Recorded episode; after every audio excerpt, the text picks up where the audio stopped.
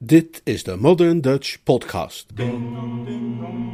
Christmas dong ding dong ding dong ding Christmas bim bam bim bam bim bidi bam bam bam bim bam bim bam bim bidi bam bam bam Jeeves en de ware kerststemming. Een verhaal uit de bundel Uitstekende Jeeves door P.G. Woodhouse, vertaald en voorgelezen door Leonard Beuger.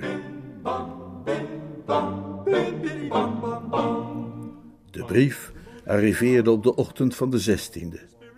Ik was juist bezig de inwendige woester te versterken met een ferm ontbijt en voelde mij dankzij koffie en bokking reeds voldoende gestaald om Jeeves zonder verder uitstel van het nieuws op de hoogte te brengen. Immers, zoals Shakespeare zegt, als het metterdaad gedaan ware, kon je het maar beter in één klap achter de rug hebben ook. De beste man zou natuurlijk teleurgesteld zijn, mogelijk zelfs ontstemd, maar potverdorie, een tikkeltje teleurstelling zo af en toe doet een mens uiteindelijk enorm goed. Doet hem beseffen dat het leven hard is en geen lolletje. Oh, Jeeves, zei ik. Ja. Er is bericht gekomen van Lady Wickham. Ze nodigt me uit om de feestdagen door te komen brengen op Skeldings. Je kunt dus misschien het benodigde vast in de koffer proppen. Op de 23e zullen wij ons derwaarts begeven.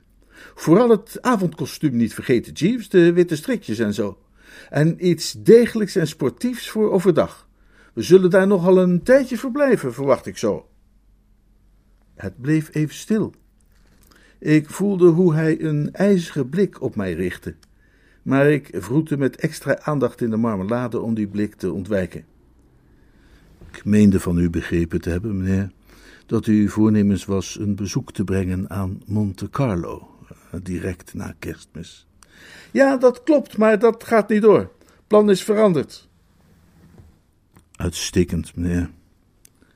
Op dat moment rinkelde de telefoon en bezwoer de dreiging van wat een pijnlijke stilte had kunnen worden. Jeeves nam de hoorn van de haak. Ja. Ja, mevrouw. Zeker, mevrouw. Ik geef u meneer Woester.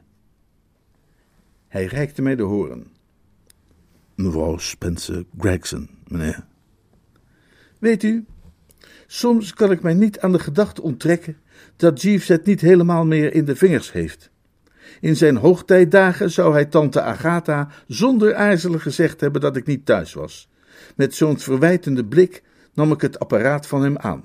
Hallo, zei ik. Ja, ha, hallo, hallo, Bertie hier, hallo, hallo, hallo. Hou eens op met dat hallo.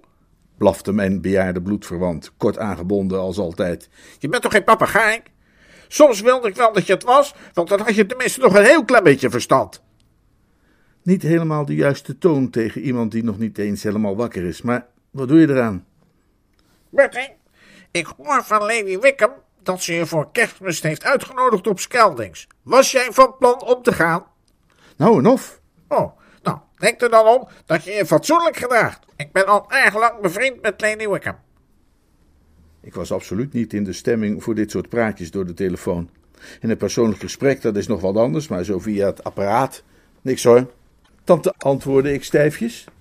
Vanzelfsprekend zal ik trachten mij te gedragen op een wijze die een Engelse heer past, wanneer hij een bezoek aflegt. Wat zeg je? Spreek eens wat luider, ik versta je niet. Komt voor elkaar, zei ik. Oh, als je er maar om denkt. Er is trouwens nog een andere reden waarom je je best moet doen, zo min mogelijk op een idioot te lijken als je op Skeldings bent. Sir Roderick Glossop is daar dan ook. Wat? Wil niet zo, je maakt me nog doof. Zei u Sir Roderick Glossop? Jawel. U bedoelt toch niet Tappy Glossop? Nee, ik bedoel Sir Roderick Glossop. Daarom zei ik ook Sir Roderick Glossop. En dan moet je eens even goed naar mij luisteren, Bertie. Ben je er nog? Ja, ik ben er nog. Mooi. Luister nog goed. Eindelijk, met ontzettend veel moeite en dwars tegen alle bewijzen van het tegendeel in, is het me gelukt om Sir Roderick er bijna van te overtuigen dat je niet echt geestelijk gestoord bent. Hij is bereid zijn oordeel op te schorten tot hij je nog een keer gezien heeft. Jouw gedrag op Skelding zal daarom. Maar ik had de horen neergelegd. Geschokt, dat was ik, ten diepste G. U moet het zeggen als ik dit alles eerder heb verteld, maar voor het geval u nog niet op de hoogte bent, zou ik toch graag nog een keer een paar feiten op een rijtje zetten wat betreft deze Glossop. We hebben hier te maken met een vervaarlijke, overjarige figuur met een kaal hoofd en enorme bossen van wenkbrauwen. Een gekke dokter van beroep. Hoe het zo gekomen was, weet ik u nog steeds niet te vertellen, maar ooit ben ik eens verloofd geraakt met zijn dochter Honoria, een gruwelijk actief type dat Nietzsche las en dat een lach had als de branding aan een rotsige en onverbiddelijke kust. Het ging allemaal niet door, dankzij gebeurtenissen die de oude heer ervan overtuigden dat ik niet goed snik was. En sinds die tijd heeft mijn naam altijd bovenaan gestaan op zijn lijstje van halve garen waar ik mee gegeten heb. Ik vreesde dat zelfs in de kersttijd, ondanks alle vrede op aarde en mensen van goede wil die er in dat jaargetij rond waren, een hernieuwde ontmoeting met die figuur toch waarschijnlijk niet al te gladjes zou verlopen. Als ik niet meer dan één bijzonder goede reden had gehad om naar Skeldings te willen gaan, zou ik mijn bezoek zeker hebben afgezegd. Jeeves, zei ik, bloednerveus, zal ik je eens wat vertellen? Sir Roderick Glossop is met kerstmis ook bij Lady Wickham. Uitstekend, meneer. Als u klaar bent met het ontbijt, zal ik even afruimen. Kil en uit de hoogte. Niet sympa. Niets van het spontane meegevoel dat men zo graag zou zien.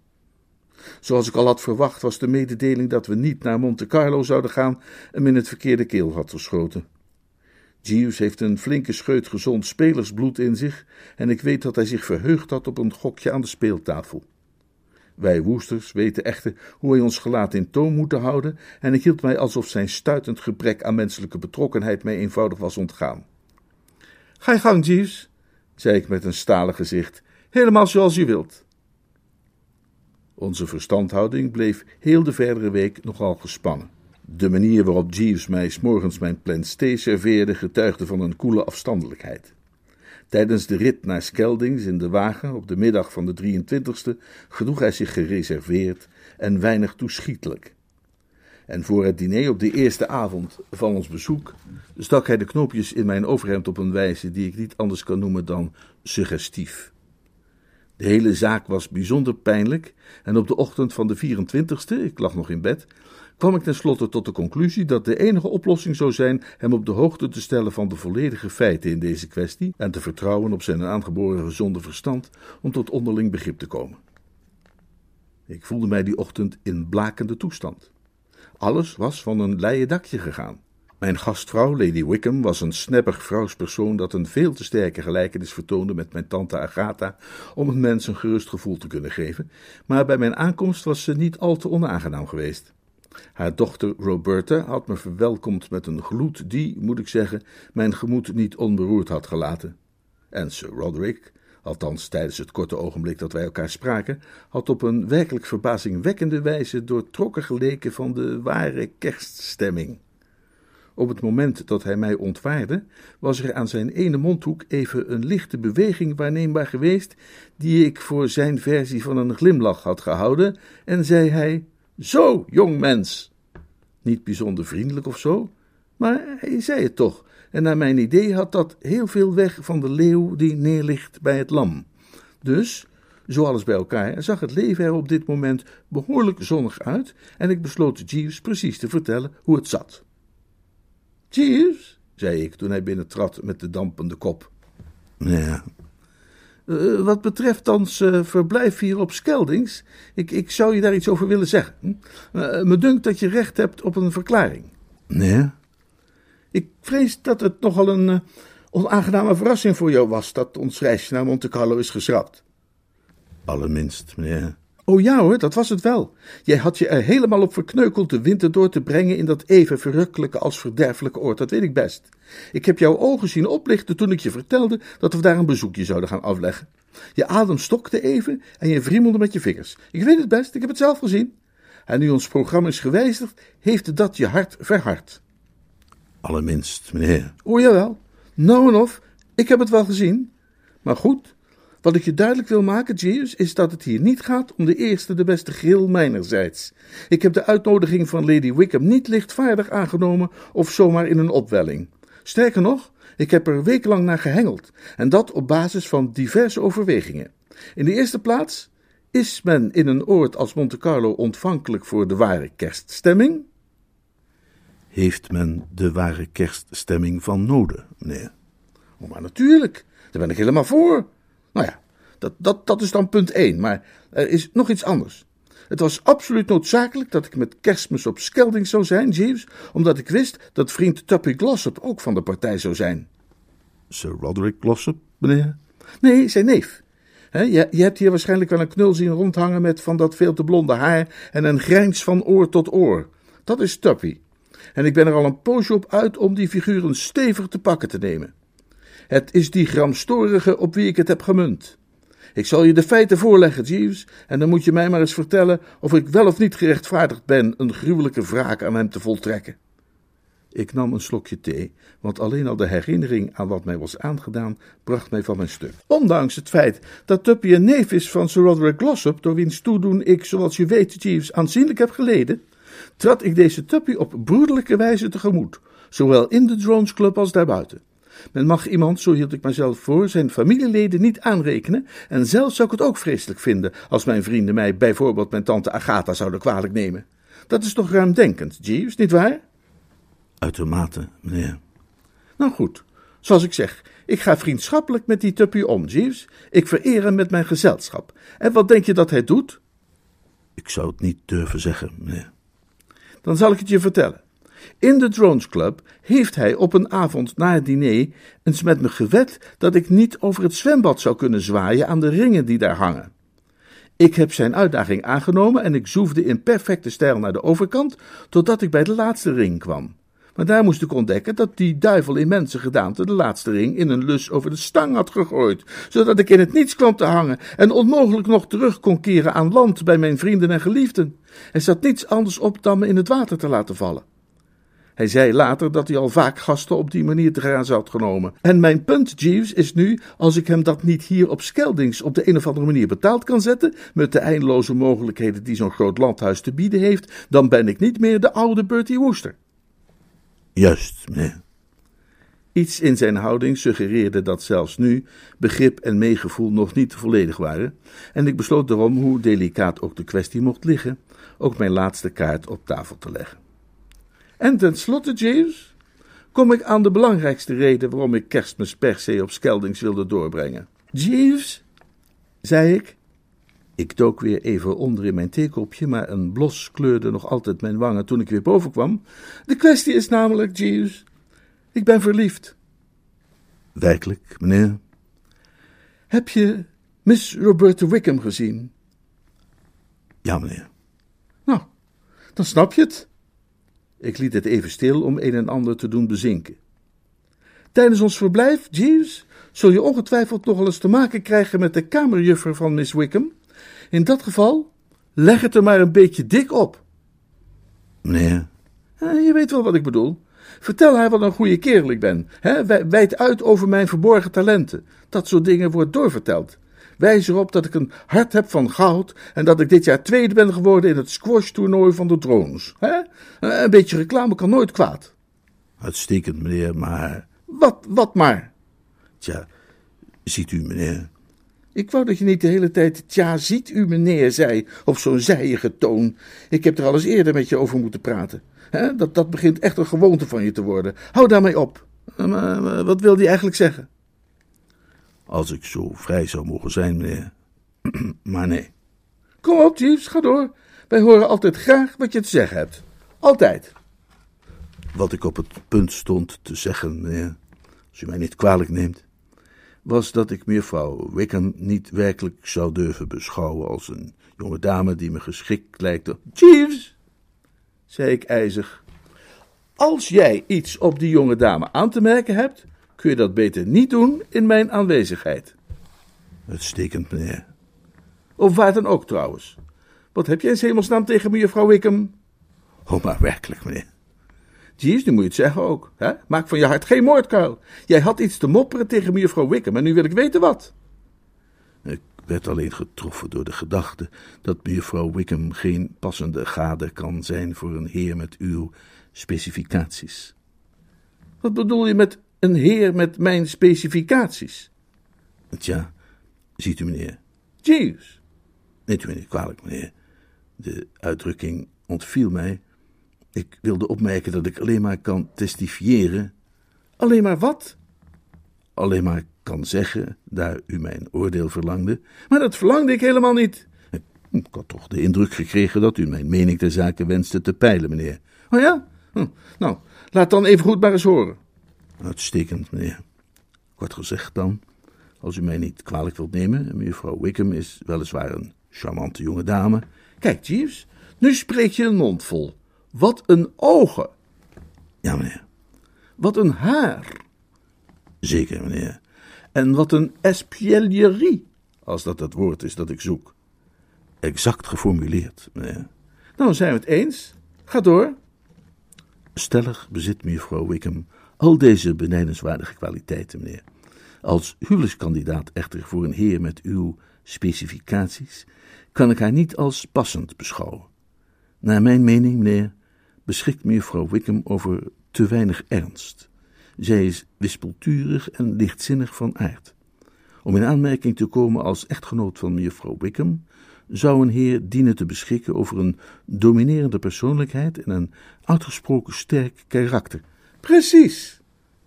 Nooit zou ik zonder aarzeling een jonge dame als levensgezel durven aanbevelen met een haardos in een dermate levendige kleur rood. Rood haar, meneer, is naar mijn opvatting gevaarlijk. Ik keek de akelige kerel recht in de ogen. Jeeves, zei ik, je kletst onzin. Uitstekend, meneer. Absolute flauwekul. Uitstekend, meneer. Baarlijke nonsens. Uitstekend, meneer. Uitstekend, meneer. Eh, eh, uitstekend, Jeeves, bedoel ik. Dat is alles, zei ik. En hooghartig nam ik een piepklein slokje van mijn thee. Het komt niet vaak voor dat ik Jeeves kan laten zien dat hij ongelijk heeft. Maar die avond tegen etenstijd had ik daartoe de gelegenheid en die greep ik dan ook onmiddellijk aan. Als ik het nog even mag hebben over die kwestie waar wij het over hadden, Jeeves, zei ik. Ik kwam juist uit de badkamer en overviel hem met de boordenknoopjes in zijn vingers. Het zou fijn zijn als je een ogenblikje oplettend naar me zou willen luisteren. En ik zeg er vast bij dat je behoorlijk voor aap zult komen te staan door wat ik te zeggen heb. Is dat zo, meneer? Ja, Jeeves, dat is zo. Heel lelijk voor aap zelfs. En misschien zul je dan voortaan wat voorzichtiger worden bij het beoordelen van het karakter van andere mensen. Vanmorgen nog, als ik me goed herinner, durfde jij te beweren dat mevrouw Wickham wispelturig was en lichtzinnig van aard. En dat zij beschikte over te weinig ernst, waar of niet? Volkomen waar, meneer. Dan zou wat ik je te vertellen heb, je wel eens van gedachten kunnen doen veranderen. Ik ben vanmiddag een eindje wezen wandelen met mevrouw Wickham, en zo onder het wandelen vertelde ik haar wat Tuppy Gloss op mij geflikt heeft in het zwembad van de drones. Ze hing aan mijn lippen, Jeeves, en was één en al meegevoel. Werkelijk, meneer? Eén brok meegevoel. En dat was nog niet alles. Nog voor ik was uitverteld, kwam ze met het slimste, het listigste, het meest uitgekiende plan dat ooit ook maar iemand heeft kunnen bedenken om zo'n knul als die Tuppy eens flink Morris te leren en hem grijze haren, rimpels en spijt te bezorgen. Dat doet mij bijzonder genoegen, meneer. En anders mij wel, Jeeves. Het schijnt dat op de meisjeskostschool waar mevrouw Wickham is grootgebracht, Jeeves, zich zo af en toe de noodzaak voordeed dat het deel van de gemeenschap dat beschikte over gezond verstand de een of andere zaak eens goed duidelijk maakte aan de types met minder inzicht en fatsoen.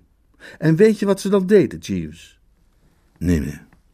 Dan namen ze een lange stok, Jeeves, en, luister goed wat ik zeg, dan bevestigden ze aan het eind van die lange stok een stopnaald.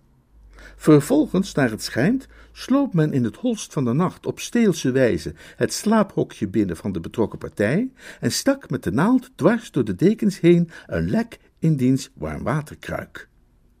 Meisjes gaan zoveel geraffineerder te werk in dit soort kwesties dan jongens, Jeeves.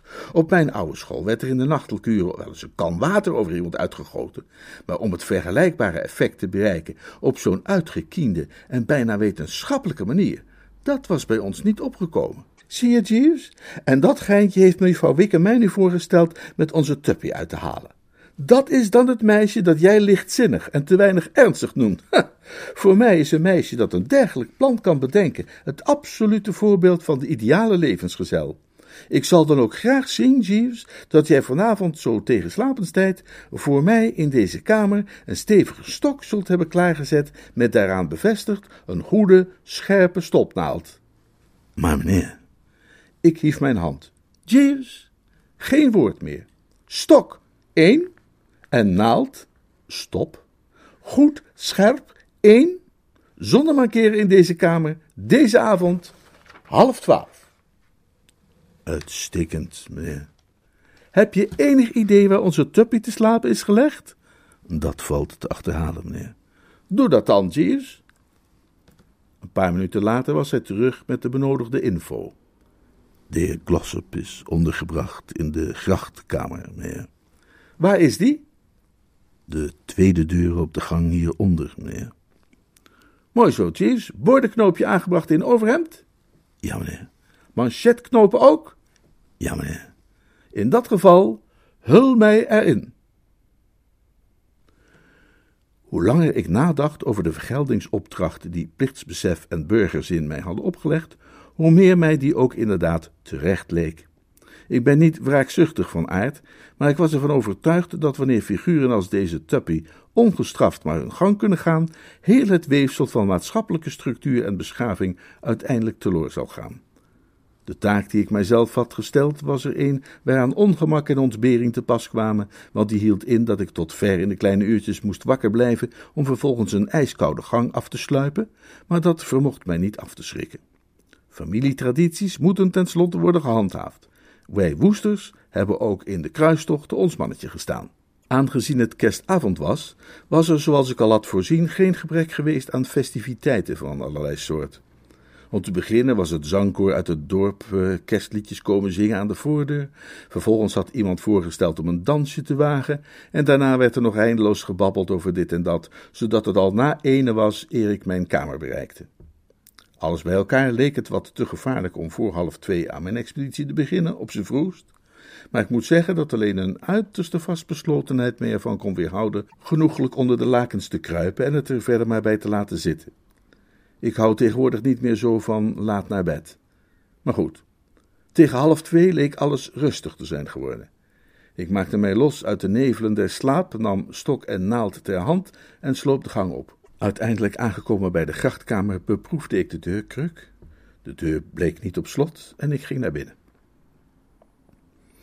Ik neem aan dat het een inbreker, ik bedoel een echte beroeps, die het hele seizoen vijf nachten per week op pad is, uiteindelijk niets meer doet om zomaar in het donker in iemand anders slaapkamer te staan.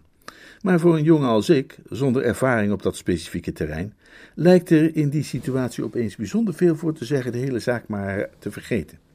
Eh, zachtjes de deur dicht te doen en 1, 2, 3 terug naar bed te gaan. Alleen door alle taaie moed van het woestergeslacht te hulp te roepen en te bedenken dat een dergelijke gelegenheid zich niet licht opnieuw zou voordoen, gelukt het me om mij aan het, zeg maar, oorspronkelijke concept van mijn onderneming te houden. Het moment van zwakte ging voorbij en Bertram was weer de oude. Op het moment dat ik binnenstruinde, had de kamer zo donker geleken als een kolenkelder, maar na een tijdje klaarde het een beetje op. De gordijnen waren niet helemaal goed gesloten en daardoor begon ik hier en daar iets van de inventaris te onderscheiden. Het bed stond tegenover het raam, met het hoofdeind tegen de muur en de kant waar de voeten uitstaken naar mij toe. Dat maakte het in elk geval mogelijk om er rap vandoor te gaan nadat het zaad der wraken was gezaaid, om het zo maar eens te zeggen. Resteerde het niet onaanzienlijke probleem van de juiste locatie der warmwaterkruik. Ik bedoel, wat je niet moet doen als je een klusje als dit stilletjes en effectief wilt afhandelen, is aan het voeteneind van iemands bed gaan staan en in het wilde weg met een stopnaald in de dekens prikken. Alvorens tot definitieve stappen over te gaan, is het noodzakelijk de coördinaten zorgvuldig vast te stellen. Het deed mij genoegen op dat moment een krachtige snurk te vernemen uit de richting van het hoofdkussen. Gezond verstand leerde me dat een vent die zo ligt te ronken niet door een kleinigheid gewekt kan worden. Ik sloop voorzichtig naderbij en streek met tastende hand over de dekens. Weldra had ik de bult gevonden. Ik bracht mijn scherp gepunte stopnaald in de aanslag, greep de stok stevig vast en stootte toe. Ik trok het wapen terug, schuifelde richting deur, en in een paar tellen zou ik weer op de gang hebben gestaan, regelrecht op weg naar mijn warme bed, toen er plotseling een donderend geraas weer klonk dat mij het rugmerg tot in de kleine hersenen deed verstijven. De inhoud van het bed schoot overeind als een duveltje uit een doosje en sprak: Wie is daar? Zo zie je maar weer dat juist de meest uitgekiende strategische zetten een hele campagne op losse schroeven kunnen zetten. Ter voorbereiding van een welgeordende terugtocht had ik de deur opengelaten, maar het beroerde ding was nu achter mij dichtgeslagen met een knal als een ontploffende bom. Veel aandacht kon ik niet schenken aan de oorzaak van de ontploffing, want er waren andere problemen die mij bezighielden. Wat mij vooral verontrustte, was de ontdekking dat wie die vent in dat bed ook mocht zijn, Tuppy was het in elk geval niet. Tuppy heeft zo'n hoog piepend stemgeluid als van de tenor in het parochiekoor die een hoge noot niet helemaal redt. Deze stem klonk echter als iets tussen de bazuin van het laatste oordeel en een tijger die om zijn ontbijt roept na een paar dagen vasten. Het was het soort akelige, schurende stem dat je voor kunt horen roepen als een wat traag gezelschap over de golfbaan gaat en per ongeluk een stel kolonels in rusten ophoudt. Tot de kwaliteiten die in deze stem niet te herkennen waren, behoorden onder meer vriendelijkheid, hoffelijkheid en die speciale tortelende klank die iemand kan doen gevoelen dat hij een nieuwe vriend gevonden heeft. Ik treuzelde niet. Met vliegende start maakte ik een duik naar de deurknop en verdween. De deur smakte ik achter mij dicht. Ik mag dan in veel opzichten niet zo bij de hand zijn, zoals mijn tante Agatha graag zou willen betuigen, maar ik weet donders goed wanneer ik ergens welkom ben of niet. Ik was evenwel nog maar juist begonnen het baanrecord te verbeteren voor dat gedeelte van de gang tot aan de trap, toen iets mij met een plotselinge schok weer hield. Het ene ogenblik was ik een en al vaart en beweging en pure snelheid, maar het volgende moment sneed een onzichtbare kracht mij de pas af en hield mij als het ware aan de lijn. Weet u, Soms lijkt het net alsof het lot zich dusdanig uitslooft om je te grazen te nemen, dat het weinig zinvol lijkt er nog iets tegen te beginnen. Omdat het die nacht meer dan bliksemskoud was, had ik mij voor deze expeditie in mijn kamerjas gehuld. De slip van dit helse gewaad nu was tussen de deur blijven zitten, en dit bracht mijn onderneming tot een definitief roemloos einde. Eén tel later ging de deur open, licht stroomde naar buiten en de eigenaar van het toeterend stemgeluid greep mij bij de arm. Het was Sir Roderick Glossop. Vervolgens werd de storm der gebeurtenissen onderbroken door een moment van windstilte. Zo'n driekwart seconde, of misschien wel langer, stonden wij daar en deden niets anders dan elkaar aanstaren, waarbij de oude heer zich onwrikbaar aan mijn elleboog hechtte als een mossel aan een klip in zee. Als ik niet gekleed was geweest in mijn kamerjas en hij in een roze pyjama met blauwe strepen, en als hij mij niet had aangekeken alsof hij op het punt stond een moord te begaan, dan had onze pose eruit gezien als in zo'n advertentie die je wel in de bladen ziet staan en waar een ervaren oudere heer een jonge man bij de arm neemt en tegen hem zegt: ah, Beste jongen, als jij je inschrijft voor de schriftelijke cursus van het Matt Jeff Instituut in Oswego, Connecticut, zoals ik ooit deed, dan kun jij ook, net als ik, derde assistent vicepresident worden van de Verenigde Nagelveil- en Wenkbrauwpincetfabrieken in Schenectady. Jij, sprak Sir Roderick tenslotte. In dit verband wil ik er meteen op wijzen dat het volkomen onzin is om te beweren dat je een woord zonder S erin niet kunt sissen. De manier waarop hij dat jij uitbracht, klonk helemaal als het geluid van een woedende cobra, en ik verraad stellig geen geheim wanneer ik daaraan toevoeg dat een en ander mij weinig op mijn gemak vermocht te stellen. Op dat moment zou ik eigenlijk iets hebben moeten zeggen, denk ik achteraf, maar ik was niet in staat om iets anders te produceren dan een zacht geblaat. Zelfs bij een ontmoeting onder normale omstandigheden, in gezelschap en met een zuiver geweten, voelde ik mij tegenover dit personage al nooit helemaal gerust, maar nu leken die wenkbrauwen mij te doorboren als even zoveel messen. Kom mee naar binnen, zei hij en trok mij de kamer in. We hoeven niet het hele huis wakker te maken. Hij deponeerde mij op het tapijt, sloot de deur en ging nog even tekeer met die wenkbrauwen. Zo, zei hij. En vertel mij nu maar eens wat dit nu weer voor een vertoning van gekke werk is. Het leek me dat een luchtige en onbekommerde lach hier veel goed zou kunnen doen. Ik waagde daartoe dus een poging. Hou op met dat gesnater, zei mijn hartelijke gastheer. En ik moet toegeven dat dat luchtige en onbekommerde niet helemaal had geklonken als bedoeld. Ik vermande mij krachtig. Nou, het spijt me ontzettend en zo, zei ik op joviale toon, maar ik dacht dat u Tuppy was. Wees alsjeblieft zo vriendelijk om niet in dat idiote jargon tegen mij te spreken. Wat bedoel je eigenlijk met bijvoeglijk naamwoord Tuppy? Nou, dat, dat is niet zozeer een bijvoeglijk naamwoord, weet je wel, maar uh, meer zelfstandig volgens mij, ja, als je goed naar kijkt. Maar uh, wat ik wil zeggen, ik dacht dat u uw neef was. U dacht dat ik mijn neef was. Waarom zou ik mijn neef zijn? Nou ja, ik bedoel, eh, ik dacht dat dit zijn kamer was. Mijn neef en ik hebben van kamer geruild. Ik heb er een hekel aan niet op de begane grond te kunnen slapen. Ik ben huiverig voor brand. Voor het eerst tijdens dit gesprek wist ik wat moeten te scheppen.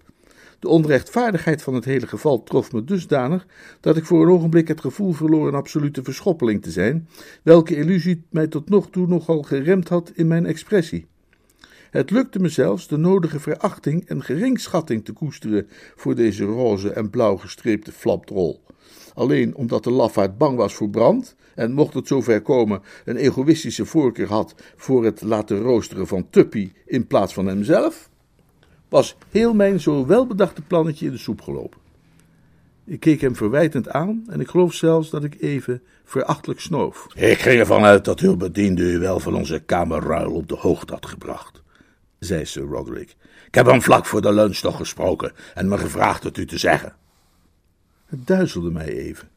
Jazeker, het is niet overdreven te zeggen dat ik duizelde. Die laatste, ongehoorde mededeling had mij geheel onverwacht midscheeps getroffen en deed mij wankelen. Dat Jeeves al die tijd had geweten dat deze oude knar de slaper zou zijn, wiens bed ik beoogde met stopnaalden vreed te doorsteken, en dat hij mij zonder de geringste waarschuwing mijn noodlot tegemoet had laten gaan, behoorde schier tot het ongelooflijke. Je kunt wel zeggen dat ik versteld stond. Jawel, zo goed als versteld. Dus, dus, u had tegen Jeeves gezegd dat u in deze kamer zou slapen? Bracht ik hortend uit. Jazeker. Ik wist dat u en mijn neef bevriend zijn, en ik wenste mijzelf het risico te besparen van een bezoek van u. Maar ik moet toegeven dat ik geen moment heb durven vermoeden dat zo'n bezoek ook om drie uur in de nacht nog te verwachten viel. Wat duivel heeft het trouwens te betekenen, blafte hij plotseling weer woest, op een tijdstip als dit het huis onveilig te maken. En wat heeft u daar in uw hand? Ik keek eens goed en ik zag dat ik mijn stok nog altijd stevig hield omkneld. Ik zweer dat die ontdekking, gezien de maalstroom van emoties waarin ik was terechtgekomen, na zijn onthulling over Jeeves een absolute verrassing voor me was. Uh, dit? vroeg ik. Oh, dat ja. Wat bedoelt u? Oh, dat ja. Wat is het? Uh, tja, uh, dat is een lang verhaal. We hebben een goed deel van de nacht nog voor ons. Nou, eh, het zit zo. Eh, stelt u zich voor, een, een, week of wat geleden zit ik volkomen vreedzaam en onschuldig na het diner in de Drones Club bedachtzaam een sigaretje te roken als... Ik onderbrak mijzelf. De man luisterde niet eens. Hij staarde verwezen naar het voeteind van het bed, waaruit een reeks druppels was begonnen op het tapijt neer te stromen. Grote genade! Ik zat daar bedachtzaam een sigaretje te roken en een vrolijk praatje te maken, dus toen. Ik onderbrak mezelf opnieuw. Hij had de lakens en dekens opgetild en staarde nu naar het lijk van de warmwaterkruik. Heeft u dit gedaan? vroeg hij zachtjes met gesmoorde stem. Eh, ja, eigenlijk wel, ja. Ik, ik wilde u net gaan vertellen. En uw tante probeerde me er nog wel van te overtuigen dat u niet gestoord was. Eh, ben ik ook niet, volstrekt niet. Als, als ik even mag uitleggen. Dat mag u helemaal niet. Het is allemaal begonnen met. Zwijg! Oké, oké. Hij deed wat stevige ademhalingsoefeningen voor de neus.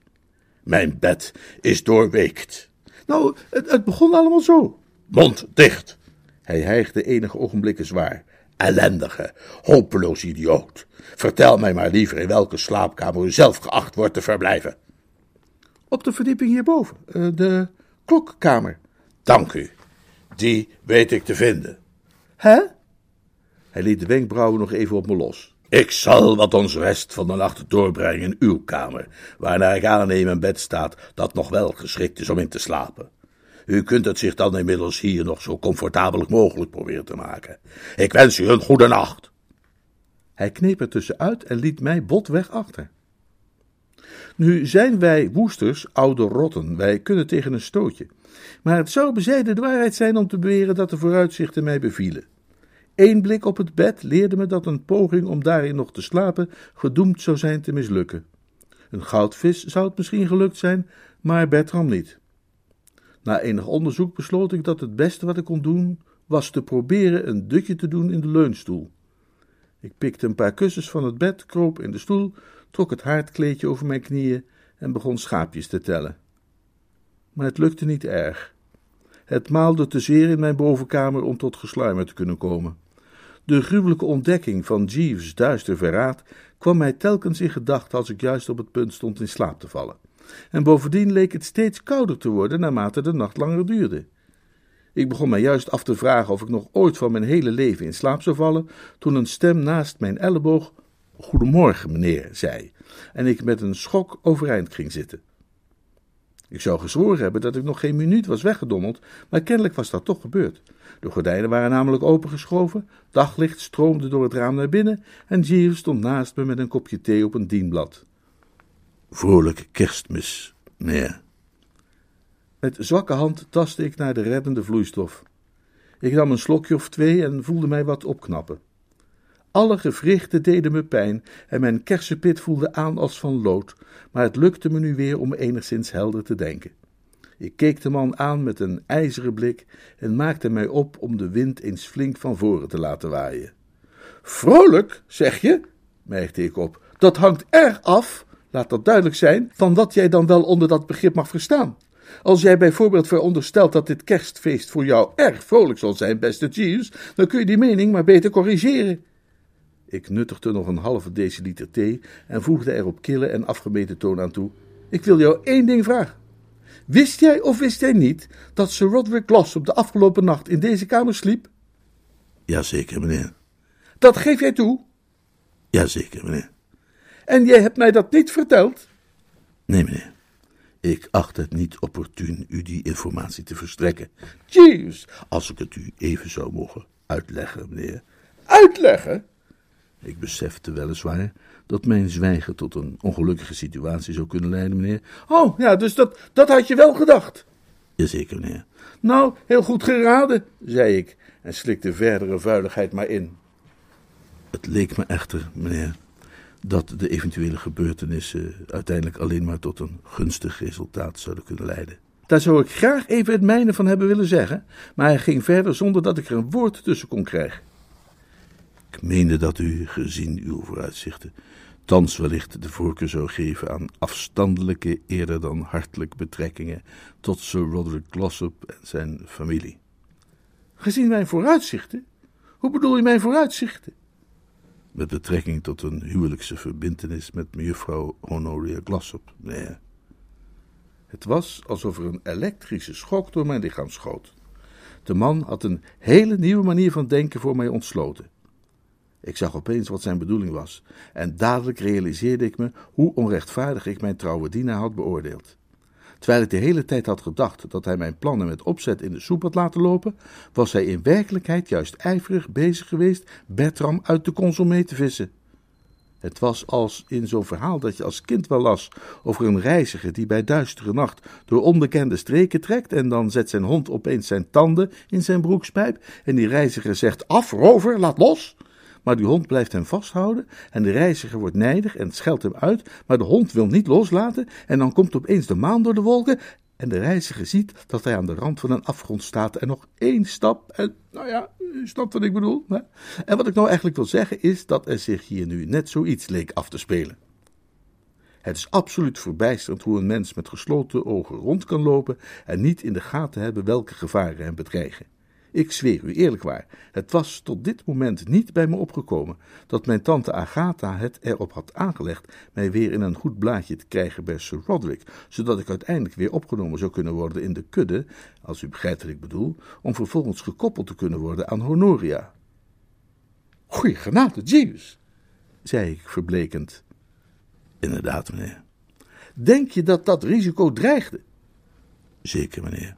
Een ernstig risico. Ik werd getroffen door een verontrustende gedachte. Maar Jeeves, Zal Sir Roderick inmiddels, nu hij er nog eens rustig over heeft kunnen nadenken, niet begrepen hebben dat ik het gemunt had op onze tuppy en dat het doorboren van warmwaterkruiken er nu eenmaal bij hoort als de ware kerststemming heerst? Dat zulke dingen in dat vrolijke jaargetijde niet zo serieus genomen moeten worden, dat men daar onder een vaderlijk hoofdschudden goedmoedig om glimlacht. Gewoon een uh, kwajongensstreek en zo. Ik bedoel, hij zal uiteindelijk immers wel beseffen dat ik niet hem te grazen wilde nemen, zodat alle inspanning voor niets is geweest. Toch niet meer, durf ik veronderstellen. Al had wellicht Sir Roderick's houding zich in die richting ontwikkeld zonder het tweede incident. Het tweede incident?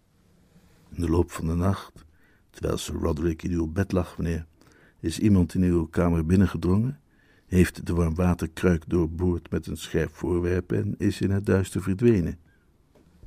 Hier begreep ik niets van. Wat? Zou ik dan uh, hebben geslaapwandeld, denk je? Nee, meneer. Het was de heer Glossop junior, meneer, die dat heeft gedaan. Ik heb hem vanmorgen gesproken, meneer, vlak voordat ik hierheen kwam. Hij was in een vrolijke stemming en vroeg mij naar uw mening omtrent het incident. Hij was er zich niet van bewust dat zijn slachtoffer Sir Roderick was geweest. Maar Jeeves, wat een ongelooflijk toeval. Ja. Nou ja, dat onze Tuppy precies hetzelfde idee had als ik, of liever als mevrouw Wickham. Dat is toch hoogst merkwaardig? Bijna een wonder, zou ik willen zeggen. Niet helemaal, meneer. Ik verneem dat het idee hem door de jonge dame zelf aan de hand is gedaan. Door mevrouw Wickham? Ja, meneer. Wil je nu zeggen dat zij eerst mij op het idee gebracht heeft om Tuppy's warmwaterkruik lek te steken en daarna Tuppy heeft getipt om hetzelfde bij mij te doen? Precies, meneer.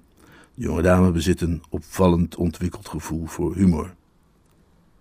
Ik zat er tamelijk verplet bij.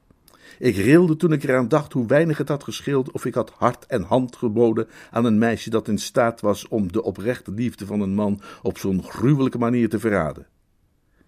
Heeft u het koud, meneer? Nee, Jeeves, ik, uh, ik ril alleen maar. Hetgeen is voorgevallen geeft enig relief, als ik zo vrij mag zijn dat op te merken, aan de opvatting die ik gisteren naar voren bracht aangaande mevrouw Wickham, die weliswaar in vele opzichten een charmante jonge dame. Ik hief mijn hand. Zeg maar niets meer, Jeeves.